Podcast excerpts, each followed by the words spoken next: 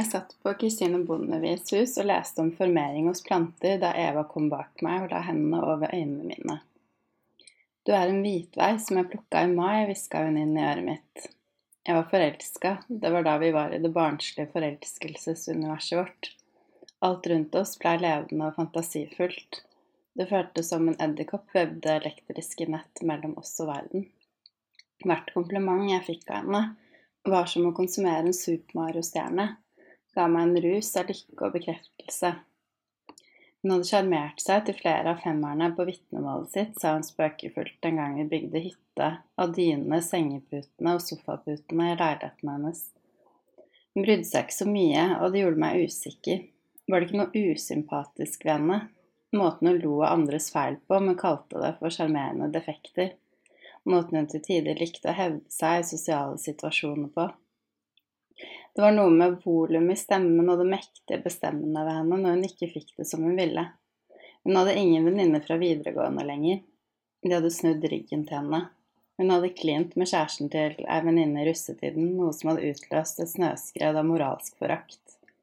Noe hun syntes var merkelig, fordi de samme jentene sa i fortrolighet seint på natta på klassefester at de egentlig ville være i åpne forhold. Mest av alt hadde hun ville komme seg ut av Oslo. Hun ville til Stockholm, gå art direction på Bergs, for Oslo hadde blitt for heksebålaktig, mente hun. Hun irriterte seg over at mennene hun hang med og hadde hengt med, sa hun var sykt lite ydmyk. Da hun var drittlei av en kunde i et skoleprosjekt som ikke ville ha det hun hadde å tilby, sa hun at Oslo var et sort hull. Og den meningen kunne jeg noen ganger dele med henne, alle vernissasjene og bransjepilsene hadde luker i gulvet som åpna seg hvis du ble for lenge i samtale med klientellet, f.eks. en innholdsløs billedkunstner eller miserabel designmann. Likevel dro hun på de samme oppleggene, og jeg blei med. Eva snakka om hipsterepoken da hun var tenåring, om hvordan hun elska å dra på elektronikakonserter, fikk forsmak på utelivet i Oslo da hun var 17 år på Mr. Wizzow-konsert på Parkteatret, fikk inngangsstempelet stempla over fra håndleddet til venninna, som kom inn med storesøsterens legg. Hvor euforisk eh, det var å være kul tenåring. Utelivsbildene i revpelsjakke og neonrosa leppestift. Bloggene, oppmerksomheten og bekreftelsen som aldri tok slutt. Kommentarene på bildene fra ukjente eldre menn. Hvordan hun for første gang følte at hun var på riktig sted og hadde draget. Kulturredaktøren som satte henne og venninnen hennes på gjesteliste, spurte om hun ville skrive for dem, fiksa drikke, nachspiel og dop. Vi krangla ofte. Eller Eva krangla med meg. Jeg ble gradvis mer og mer deprimert etter at jeg fikk en C på eksamen etter det første halvåret vi var sammen. Eva var så sint i den perioden. Jeg orka ikke ha sex, gråt hele tida, tok meg nær alt. Psykologen min spurte er hun grei nok mot deg i denne vanskelige perioden av livet ditt. Det er viktig at du har gode, støttende mennesker rundt deg nå. Jeg hadde vært deprimert mange ganger tidligere, men det slo meg alltid i bakken. De sa at neste gang blir det lettere å takle, men det ble aldri det. Det var like altoppslukende og jævlig hver gang. Andre stemmer skurra i for høyt volum. Jeg ga opp på slutten av setningene mine, klarte ikke å snakke når noen spurte meg om noe. Fikk prestasjonsangst hver gang jeg skulle si noe. Hvert ord kjentes feil i munnen. Følte Eva var imot meg når hun kødda med meg tok permisjon fra studiene. Alle konturene ble sterkere, ansiktet for rødt, kroppen til Eva mot min var klissete og ekkel. Bevegelsene mine under sex ble bevegelser jeg hengte meg opp i, hata. Hvis jeg kløp meg selv i magen, var det knapt noe å ta i, likevel følte jeg meg klumpete. Det forsiktig ved meg ble patetisk og stusslig. Leste pensum flere ganger, fikk aldri med meg noe. Gjemte meg hjemme. Så på serie fra jeg sto opp til jeg la meg. Jeg var forbanna. Hva er det du holder på med? Rydda søppelet, vaska opp tallerkenene mine. Ida, det her har gått for langt. Ida, hvor er du nå? Du soner ut hele tiden. Den evige frustrasjonen. Det blei så stille mellom oss. Vi spiste middag stille, så på film stille. Gikk turer, og det var stille. Jeg lå alltid på gulvet og hiksa etter at hun hadde dratt. Du har sånn prinsesseår. Det husker jeg Eva sa etter at vi hadde hatt sex første gang. Hun sa jeg hadde budeieutseende, at jeg var alle nynazisters drøm. Det passa uheldigvis siden bestefar hadde vært med i NS i Heddal. Evas bestefar kjempa tilbake i Narvik. Mine foreldre syntes det var en dårlig idé å flytte til Tøyen. De mente det var for få nordmenn der. Moren til Eva var politisk rådgiver, var med i Kvinnefronten, hytta med neven i 8. mars-toget og ropte ja til selvbestemt abort. Faren hennes var lærer, skrev ofte kronikker i Klassekampen. Eva leste bare kultursidene i avisene, hun ble så irritert at de pusha alle mot ta i et tak, og mente at det var sosial kontroll, en unnskyldning for å overvåke og fordømme henne. Foreldra til Eva fortalte at Eva alltid pleide å selge vafler utafor matbutikken som hun løy om at hun skulle gi til inntekt til Redd Barna. Den pinlige middagen med foreldrene våre hjemme hos foreldra til Eva i Bærum. Faren til Eva som sa at de lilla blomstene på marengsen til dessert var fra Iran. Mamma som sa at hun syntes Nytt på Nytt var for venstreorientert. Pappa som sa at bensinprisene har blitt for høye. Mamma som etterpå sa at de som skal være så åpne og inkluderende, er jo så innmari jålete. Hun skjønte ikke hvorfor jeg hadde lagt merke til henne. Hun mente at hun var en stusslig dverg i forhold til meg, Hun likte at jeg kunne gå tur med henne i botanisk hage og fortelle mer og presist enn guiden om plantene, at jeg som barn hadde mikroskop på rommet mitt og ei rotte som kjæledyr da jeg var ti. Selv om du er fra landet, er du veldig elegant, men også utrolig rar, sa hun. Hun likte de lange beina og den hengslete måten jeg gikk på. Hun likte å ta bilder av meg, favorittbildet hennes av meg var da jeg lo mens jeg spiste et eple. Hun likte at jeg ville bli forsker. Selv om hun ville at jeg skulle slippe meg løs, heia hun på ambisjonene mine. Hun syntes jeg ga henne gode råd, at jeg var en god lytter, at jeg var forsiktig og strukturert, at alt hadde sin plass i leiligheten min, at jeg bretta klærne hennes hun hadde slengt dem på gulvet, at jeg lagde god kaffe og bakte brød til frokost med bestemoren min sitt syltetøy, at jeg vaska undertøyet mitt på 60 grader.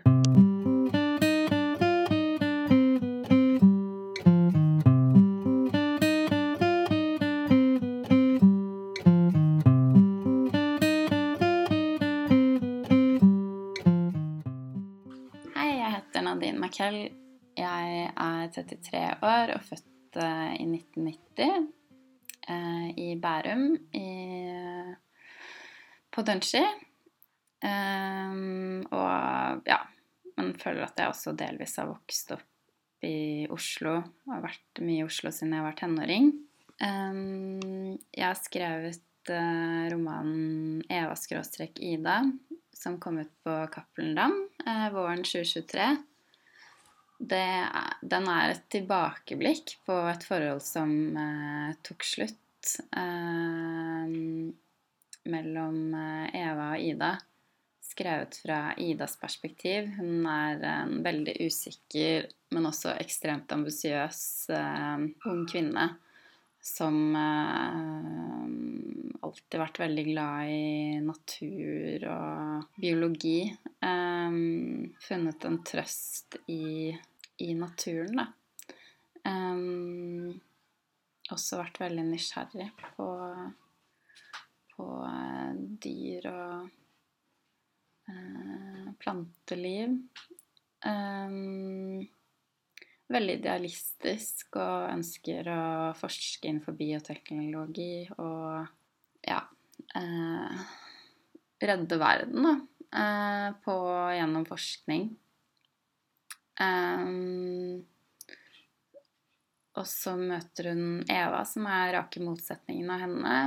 Veldig svevende, veldig opptatt av estetikk og film og god mat og eh, også liksom ytre suksess, da. Opptatt av eh, penger. Hun vil tjene penger og er ganske eh, Vi jobber i reklamebransjen eh, som vi jobber kreativt, eh, men kommersielt. Og har ikke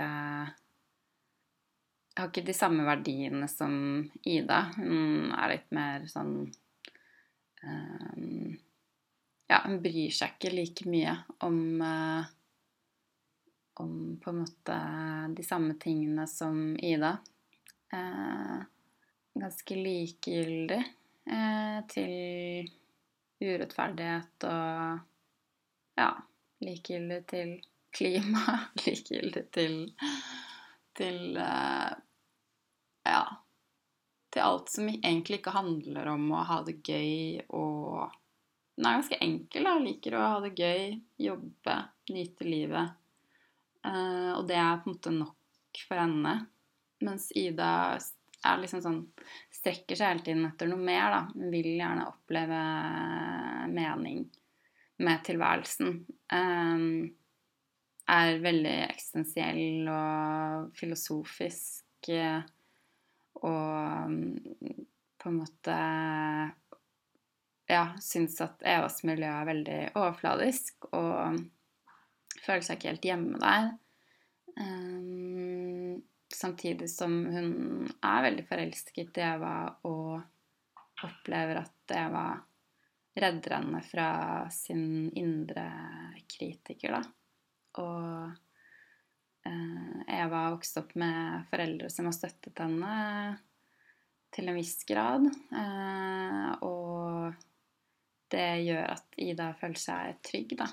Um, det bidrar til at hun får det på noen måte bedre med seg selv, samtidig som hun merker at det er mye som ikke stemmer helt eh, i, dette forholdet. Mm, jeg tenker jo at arbeidet mitt uh, skiller seg fra andre ved at det er opplever at det er en skikkelig cocktail av veldig mye Ja, mye forskjellig inspirasjon. Eh, kanskje hovedsakelig film. Jeg nok har nok, jeg har tenkt hele romanen ut ifra at det er en film, da, og sett for meg alle scenene. At jeg går inn i hver scene og uh, lever ut scenene i skriften, da.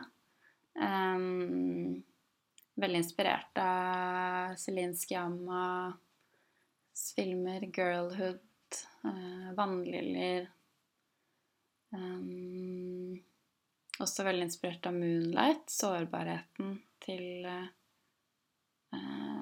Sharon. Um, og hørte veldig mye på 'The Middle of the World' uh, mens jeg skrev meg inn i sårbarheten til Ida.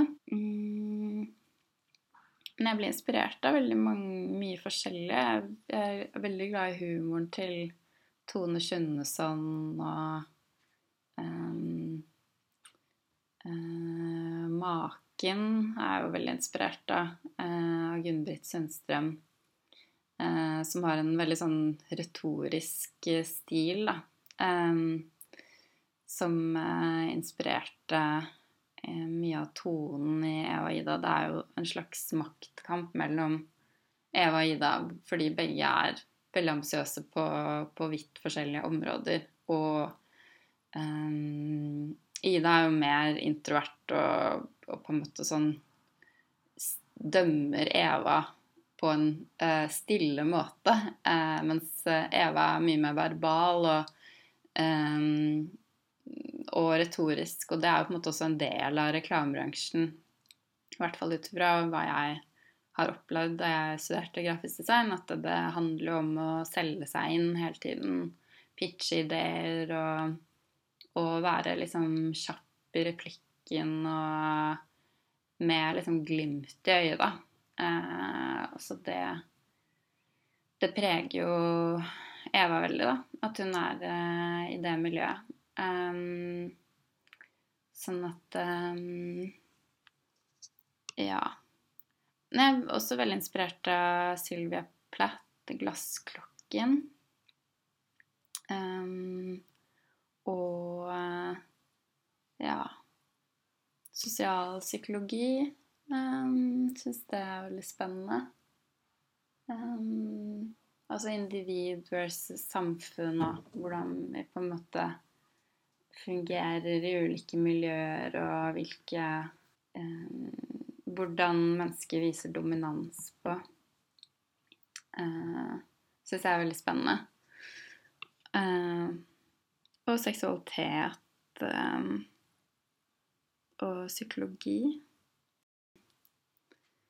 Ja Ja, tanke... Ja, det er, det er jo veldig viktig. Altså Jeg skrev Begynte å skrive på på romanen da jeg var i Bø på forfatterstudiet for eh, det blir vel fire, fire eller fem år siden eh, nå. Eh, og da husker jeg at jeg følte veldig tidlig at eh, her må jeg verne om min egen tekst. da.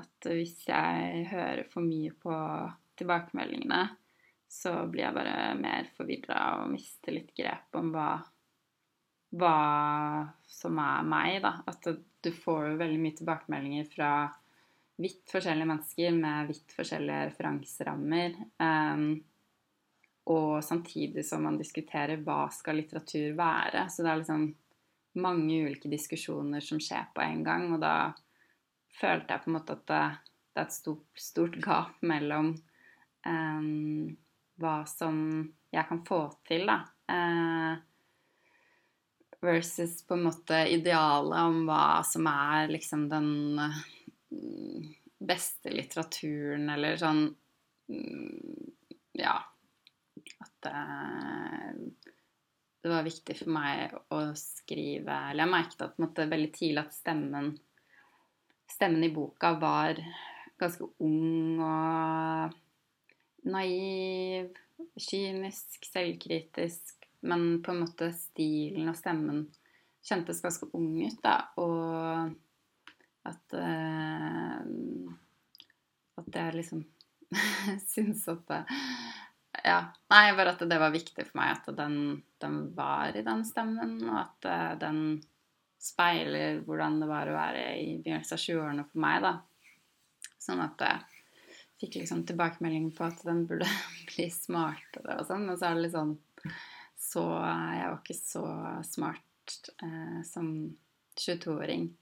Uh, eh, og jeg ville heller ikke at Jeg ville heller liksom ikke at den skulle være sånn overintellektuell. Altså den er veldig intuitiv og eh, nostalgisk på mange måter. Um, legger samfunnets oppførsel noe press på deg eller arbeidet ditt? Eh, ja, altså jeg er jo jeg skriver jo jobber i et kapitalistisk system. Eh, og er helt avhengig av å ha en jobb ved, ved siden av skrivingen, da. Og jeg prioriterer alltid um, ho, altså jobben min over skrivingen. Eh, siden det er der jeg tjener penger. Og Um, så det gjør jo at uh, altså sånn Jeg opplever at jeg var veldig privilegert som kunne være et helt år i Bø og skrive um, uten å måtte jobbe ved siden av. Um, sånn at da kunne jeg på en måte leve meg 100 inn i boka og um, slapp å bekymre meg for om eh, jeg hadde nok penger, da. Uh, det er jo det Sånn at eh, Ja. Så penger er absolutt noe som har påvirket meg og arbeidet mitt. At um, dersom det var uh, en Dersom man kunne bli forfatter, og det var en fast jobb med fast inntekt, så hadde jo det gjort det mye enklere. Samtidig som jeg også tror at i den uh, Det der med å faktisk skrive